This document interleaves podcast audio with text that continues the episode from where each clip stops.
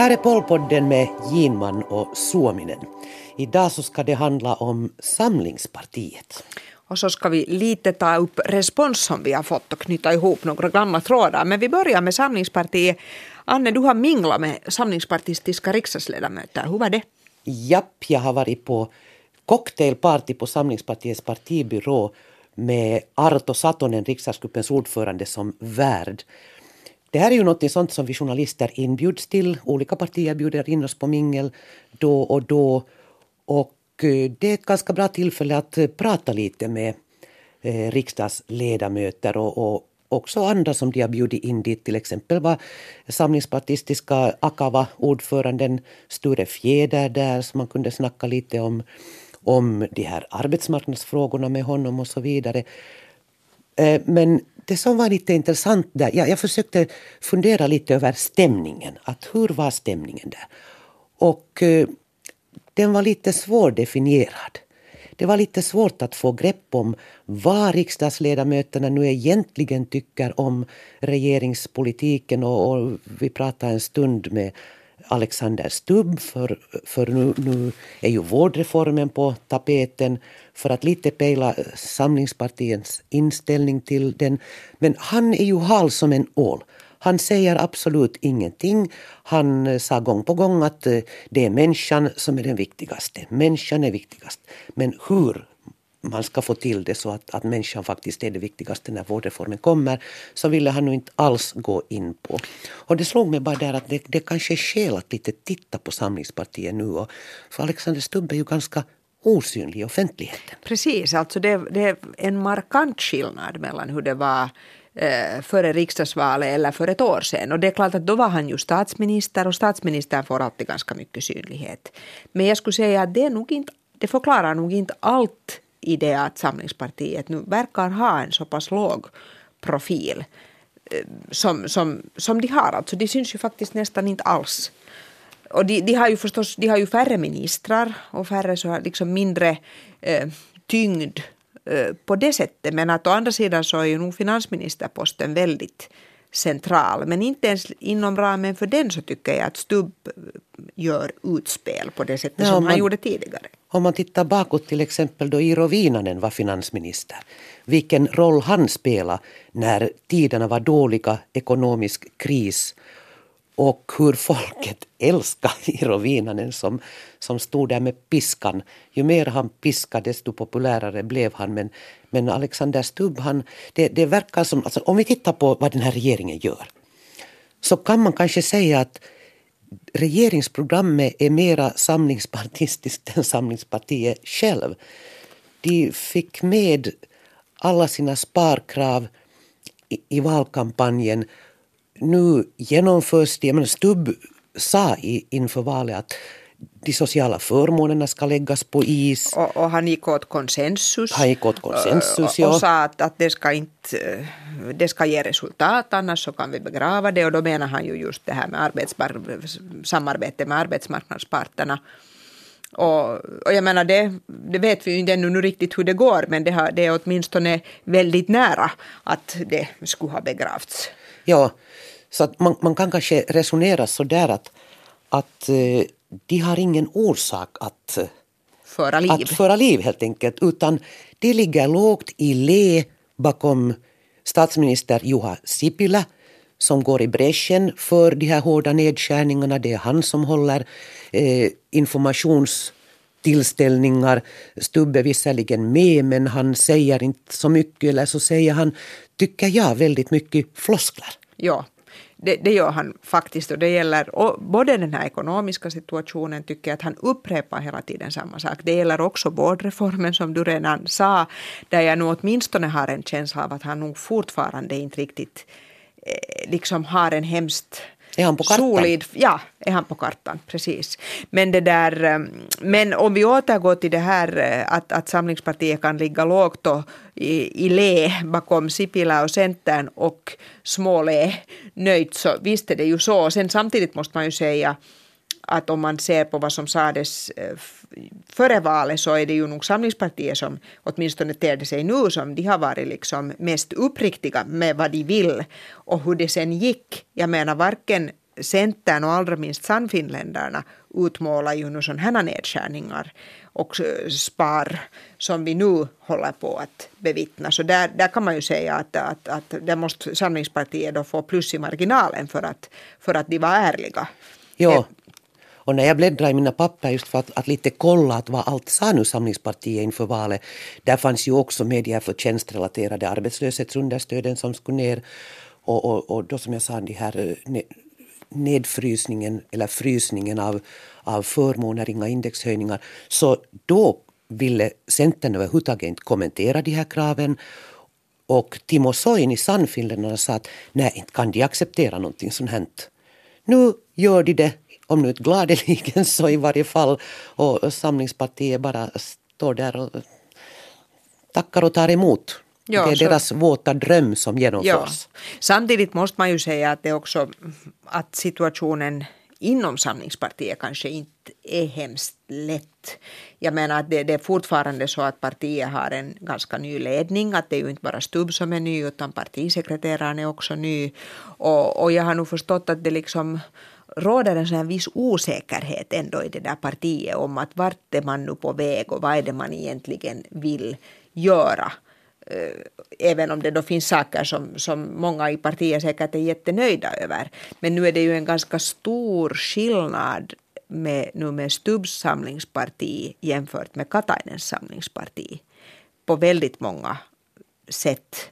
Att, det där, att, att nu tycker jag att liksom Stubb faktiskt har fört det här partiet högerut. Mm. För att Katainen gick ju igen uttryckligen in för att på något sätt lite mjuka upp den där profilen som ett hårt högerparti. Han talar om välfärd. Och social precis, precis. ekonomi. Ja, och, och, lyckades ju väldigt bra med det. Alltså att de, Samlingspartiet fick en helt annan image mm. än de hade haft. Och nu och ser man lite man också, en återgång ja. igen till det, till, till liksom det gamla Samlingspartiet.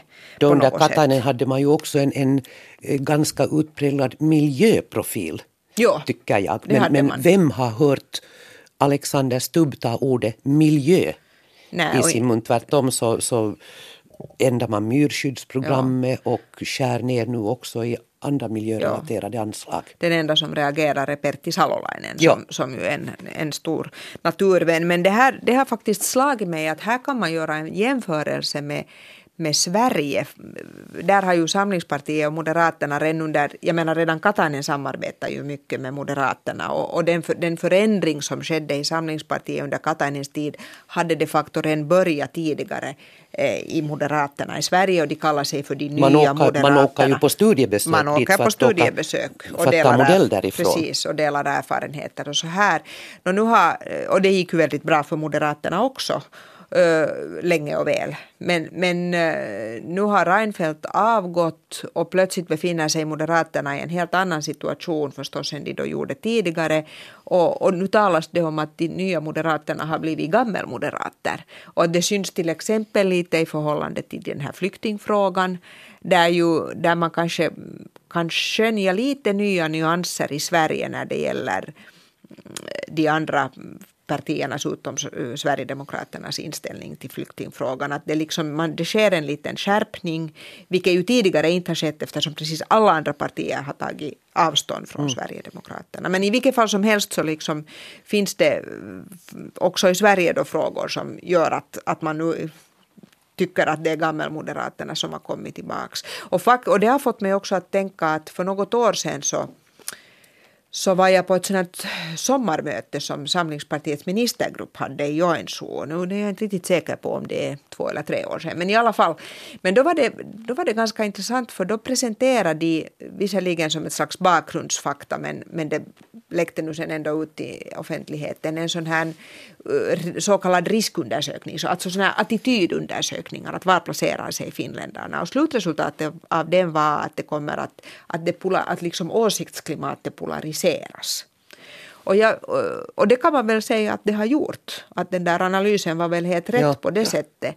Men det där slutsatsen, jag funderar ändå när Stubb blev ordförande och hade den här ganska hårda valkampanjen. Ja. Som ju liksom lite förvånade. Att ska han nu gå emot liksom konsensus? Att kan det nu vara klokt så här inför valet? Eh, så tänkte jag att no, kanske, det kanske det här är Samlingspartiets slutsats av den här att man ser att det är en polarisering på gång. Att då måste man polarisera sig själv så att säga om man ska hänga mm. med här. Det här är bara mina he helt egna fria spekulationer men att jag tycker att man ser sådana tecken. Det var intressant på det här eh, cocktailpartyt som jag då var på. Eh, när vi försökte lite alltså just pejla den här stämningarna och hur, hur tycker riksdagsledamöterna om Samlingspartiet idag och, och hur de nu klarar sig i regeringen och Alexander Stubb. Så ingen, ingen kommer ju med direkt kritik. Det är helt dödfött att försöka få ut någon sån. Men det som var helt klart var att, eh, tycker jag, att eh, där finns en liten osäkerhet. Där finns inte den här euforin. Det är inte så fantastiskt Det är mera. inte fantastiskt mera. Man försvarar förstås regeringspolitiken men, men samtidigt om vi nu tittar på den här regeringen och hur de vispar hit och dit med, med sina beslut så, så fanns, finns där i riksdagsgruppen nog en liten liksom osäkerhet om att vad ska det här nu riktigt bli av det här? Ja. Och, och jag menar, två frågor som, som nu är på tapeten just nu där Samlingspartiet faktiskt och Alexander Stubb agerar på ett sätt som jag inte riktigt förstår så är det här förvaltarregistret och eh, sen också de här tvångslagarna. Det har kommit ut nya uppgifter nu där om hur noga man då egentligen har har eh, tittat på deras grundlagsenlighet där på ministeriet. Nu har ju Stubb sagt hela tiden att eh, man har undersökt noga att tvångslagarna kan genomföras. Grundlagen ställer inga hinder. Nå, så har medierna börjat lite hur ska vi säga, undersöka det här att vilka experter har de nu hört när Stubb hänvisat till experter? Och det var faktiskt grundlagsexperter. grundlagsexperter till, ja. ja. Och det var faktiskt MTV3 nu som har, har bett om att få ut de här utlåtandena enligt offentlighetslagen helt enkelt. De har hållit på i en och en halv månad. De har bollats mellan statsministerkansliet, finansministeriet, arbets och näringsministeriet och eh, så resultatet av allt det här bollande blev att det finns inga sådana utlåtanden. Stubb har helt enkelt, så som det nu ser ut åtminstone, gått fram med, gått ut med åtminstone, hur ska vi säga, han har inte talat riktigt sant. Ja, åtminstone finns det då inte belägg för att de skulle ha hört grundlagsexperter. Nu hänvisas det ju till att kanske man då har gjort det i något konfidentiella samtal men jag tror att det inte riktigt räcker till när det handlar Nej. om lagstiftning och, och, och liksom det som statsrådet och olika ministerier gör. Att, att det här är ju faktiskt ganska allvarligt. Och det handlar ju då om, om, om, om, faktiskt att ändra, grundläggande ändra på den här lagstiftningen om, om arbetslivet. Att, att, att frångå det där bara som en liten bakgrund att, att frångå det att lag, arbetslivslagstiftningen ger liksom ett slags botten, ett golv för olika förmåner men man kan komma överens om bättre förmåner mellan parterna. Och nu vill ju regeringen då göra tvärtom, att man mm. säger att ingen får ha längre semester än så här eller och så vidare. Och det här vet vi ju inte heller hur det går med, det beror på om de här arbetsmarknadsparterna nu kommer till någonting som kommer ja, att ersätta det här Men nu ger det ju en lustig bild av, av finansministerns agerande. Ja. Plus att offentlig offentlighetslagen säger att eh, när eh, journalister till exempel ber ut den här typens dokument så ska man få ett svar inom två veckor. Och här, och här det tog det en och en halv månad ja. och så får man svaret att nej, det finns ingenting. Ja. Och, och just det här förvaltningsregistret som du redan nämnde som, som ju, gäller ju då också finansministeriet.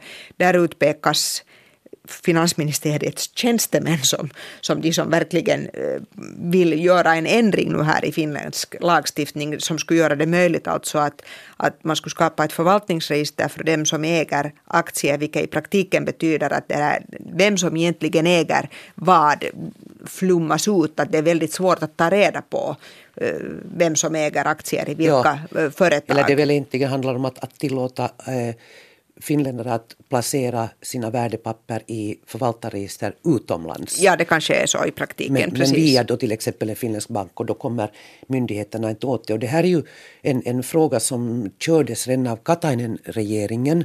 Och redan tror jag, redan före det före alltså. Det. Då när Katainen själv var finansminister. Precis.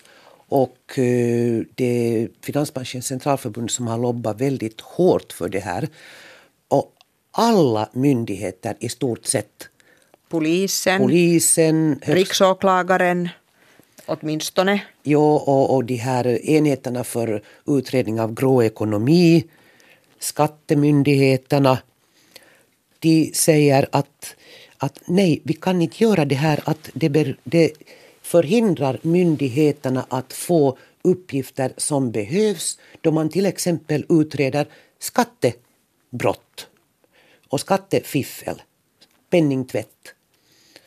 Och eh, jag begriper liksom inte riktigt hur Stubb kör det här så fruktansvärt hårt för det, det här motståndet fanns redan från myndigheterna under den förra regeringen. Så har man skrivit om den här lagen då lite och det har gått ut på ny remiss. Ja, det ville man ju. Man ville ju inte skicka ut den på remiss överhuvudtaget. Men då, då uppstod det så mycket kritik att sen gjorde man det i alla fall. Mm. Och det som gör det här nu lite intressant så där ur Samlingspartiets Stubbs synvinkel så är ju att eh, Sannfinländarna redan i den förra riksdagen sa nej att vi kan inte vara med om att, att tillåta eller ge en möjlighet för de som vill bryta mot skattelagarna att gömma sina eh, värdepapper. Vi kan inte vara med om sånt. Nu har Timo Soini gått ut än en gång i sin blogg och sagt att nej, det här kan vi inte ta. Och det här vet ju Alexander Stubb. Att varför eh, ger man så att säga nu Sannfinländarna poäng för mm. att den här lagen då antagligen dras tillbaka. Ja, eller är, man, är, är det liksom så, är situationen i regeringen så spänd att, san, att Sannfinländarna så att säga måste få nu någonting som de kan vifta med och säga att det här har vi åstadkommit. Om man nu vill vara riktigt konspiratorisk så kan man ju tänka också på det sättet men jag vet inte, jo, jag har ingen aning om det stämmer eller inte. Men till exempel så Torbjörn Kjevin i ett slaget efter tolv som han var med i så, så var lite inne just på det här att, att nu när Sannfinländarna har haft det så besvärligt med Sebastian mm. Tynkynen och allt det här. Och deras eh, väljarstöd sjunker nu i den senaste YLE-mätningen så har det sjunkit ytterligare. Det låg under 10 procent nu ja. och, och, det är ju ganska, ganska illa för ett regeringsparti. No, Torbjörn Kjevin spekulerar i det här att, att eh, kanske Sipilä kommer att ge eh, Sannfinland lite lösare tyglar, att de får liksom plocka lite mm. mera poäng på mm. någonting. Så om man nu är riktigt konspiratorisk så kanske mm. det här är då en sån fråga fast jag tror ju absolut inte att det har varit Alexander Stubbs tanke att no, han kör det här till det bittra slutet och jo. sen får Timo Soini säga nej och nej, plocka poängen på att det läggs på is. Nej. Det kan man ju säga att det som har varit svårt för Samlingspartiet så det är ju de här utbildningsnedskärningarna. Jo. Att där tror jag nog att det finns kritik inom att, att det sitter helt enkelt inte för dem. Och nu, nu hade ju, nu hade ju liksom diskussionen gått in på ett nytt varv i och med att undervisningsminister Sanni Gran Larssonen skickade skicka ut ett sån, eller skrev ett sådant öppet brev då till universiteten och högskolorna och, och fick väldigt besk kritik tillbaka från många håll inom forskarvärlden.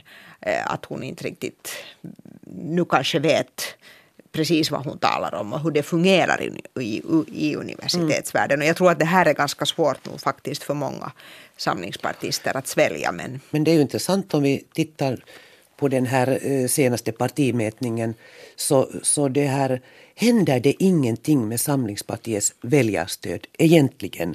De ligger fortfarande där på drygt 18 procent. De har till och med gått lite uppåt från mätningen för en månad sedan. då har vi då utbildningen, det här, mm. vad, vad, vad, heter det på svenska, det här civistuspuolueen, det är ju så de har marknadsfört sig. Ja, att det är ett bildningsparti, bildningsparti. kan man säga. Ja. Och, och, och, så går det som det går med utbildningsnedskärningar nu.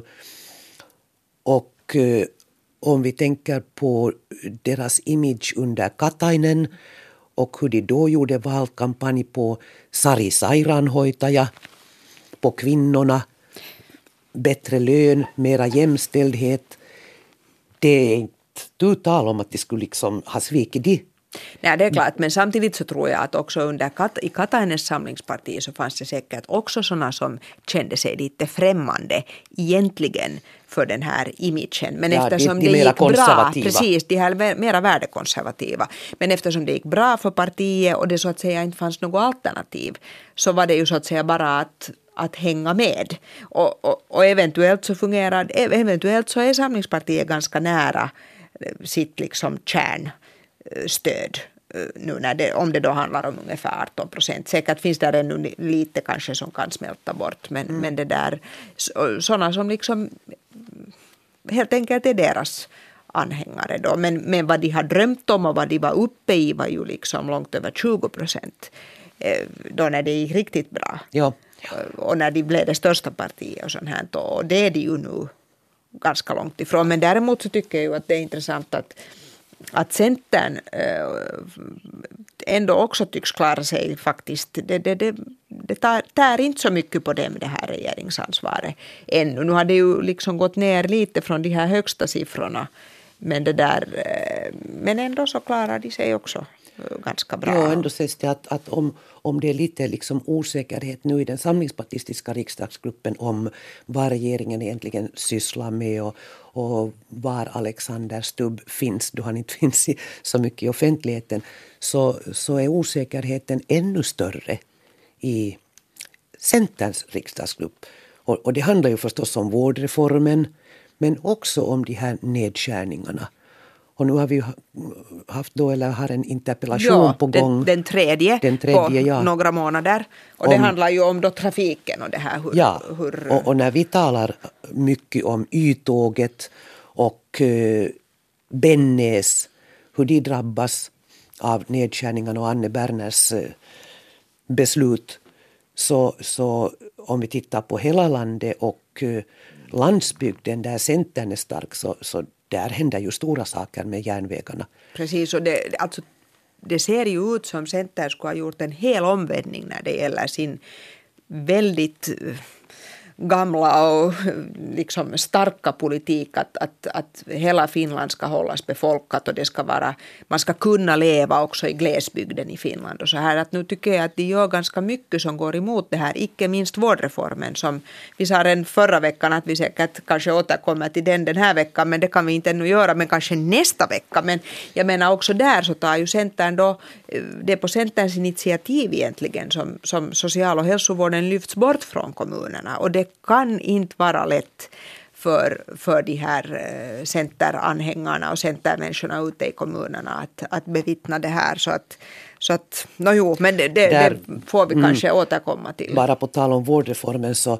så hörde jag faktiskt nu om en hög tjänsteman, före detta, eh, som har tittat lite på den här finansieringen och hur de har tänkt sig att den ska finansieras.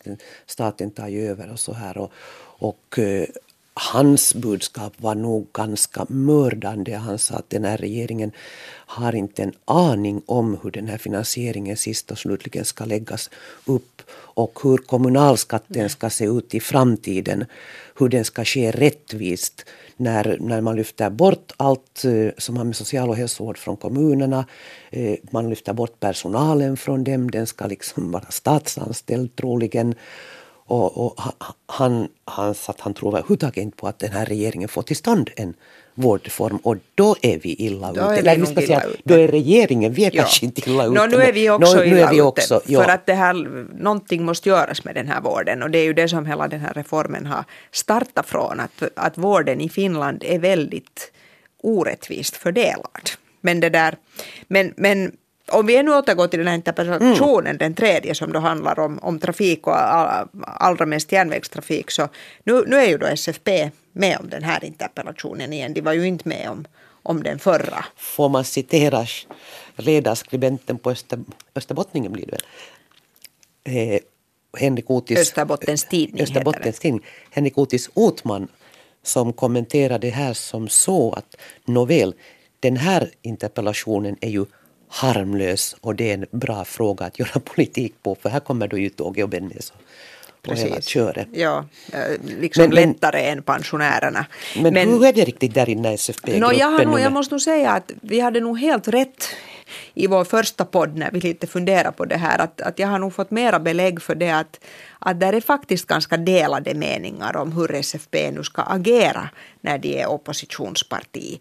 Och, och, och det finns ja, det finns liksom olika åsikter hur man ska bedriva det här och, och, om jag nu har förstått rätt så är det så att partiordförande Karl Haglund liksom leder den ena polen där, där det allra viktigaste kanske är att inte bränna broarna till, till Samlingspartiet och Centern eftersom SFP förstås gärna vill komma in i regeringen i framtiden.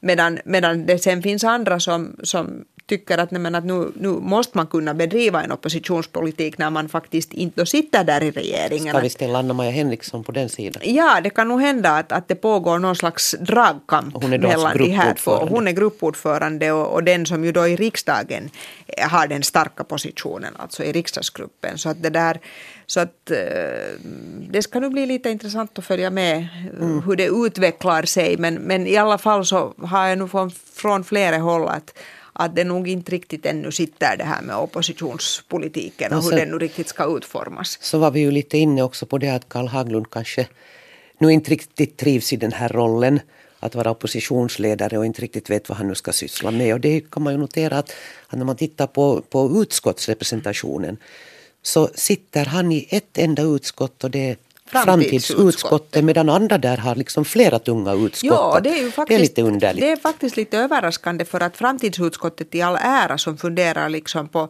stora framtidsfrågor eh, som är viktiga men när det gäller liksom den här dagspolitiken och, och, och, och den kamp som utspelas i den så har nog framtidsutskottet en väldigt liten roll. Jag menar att det finns många andra utskott som, som har en stor betydelse där, till exempel stora utskottet som ju behandlar alla möjliga, alla frågor som ska gå till EU, som ju borde mm. vara till exempel Karl Haglunds bord eftersom han själv har varit Euro, Europaparlamentariker och vi har förstås internationella, vad heter det, utrikesutskottet och försvarsutskottet och, och sådana som, som man skulle tycka att skulle vara intressanta och också erbjuda en väg in i det här parlamentariska arbetet.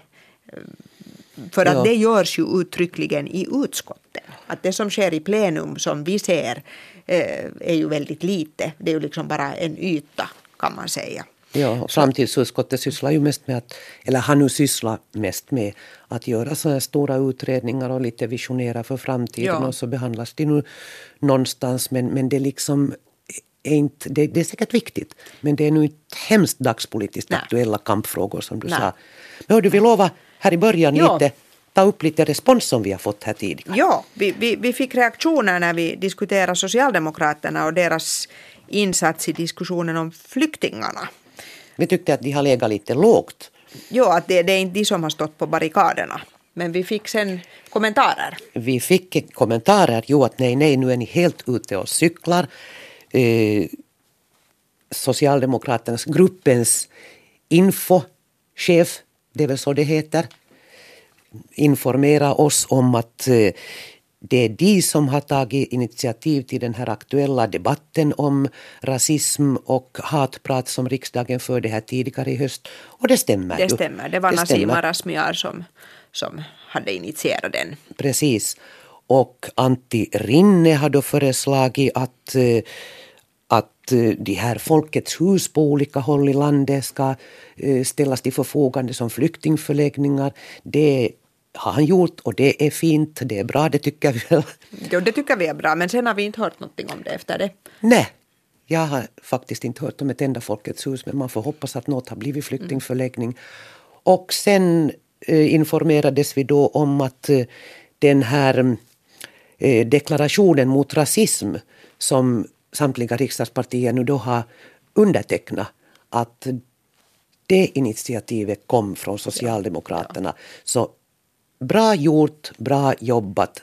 Vi hoppas att det fortsätter på den vägen. Precis, ja. Och, men vi kan väl hålla fast vid att, att, att, att vi hade så att säga att vårt intryck var det att Socialdemokraterna inte direkt står på barrikaderna när det gäller den här flyktingfrågan och jag tror att det stämmer nog fortfarande trots att jag medger att det finns de här helt konkreta exemplen på vad de har gjort. Absolut och att de skulle leda diskussionen som, som vi också har fått höra så det, det tror jag nog kanske inte att man kan hålla med om.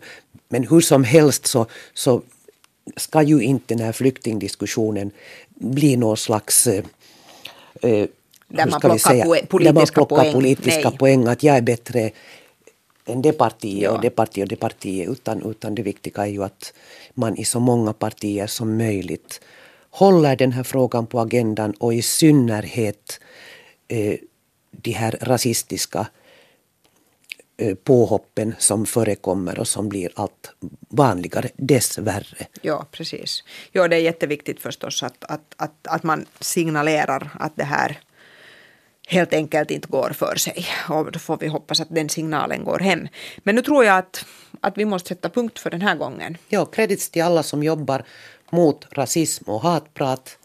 Och vi är tillbaka med någonting helt nytt nästa gång. Hej då! Hej hej!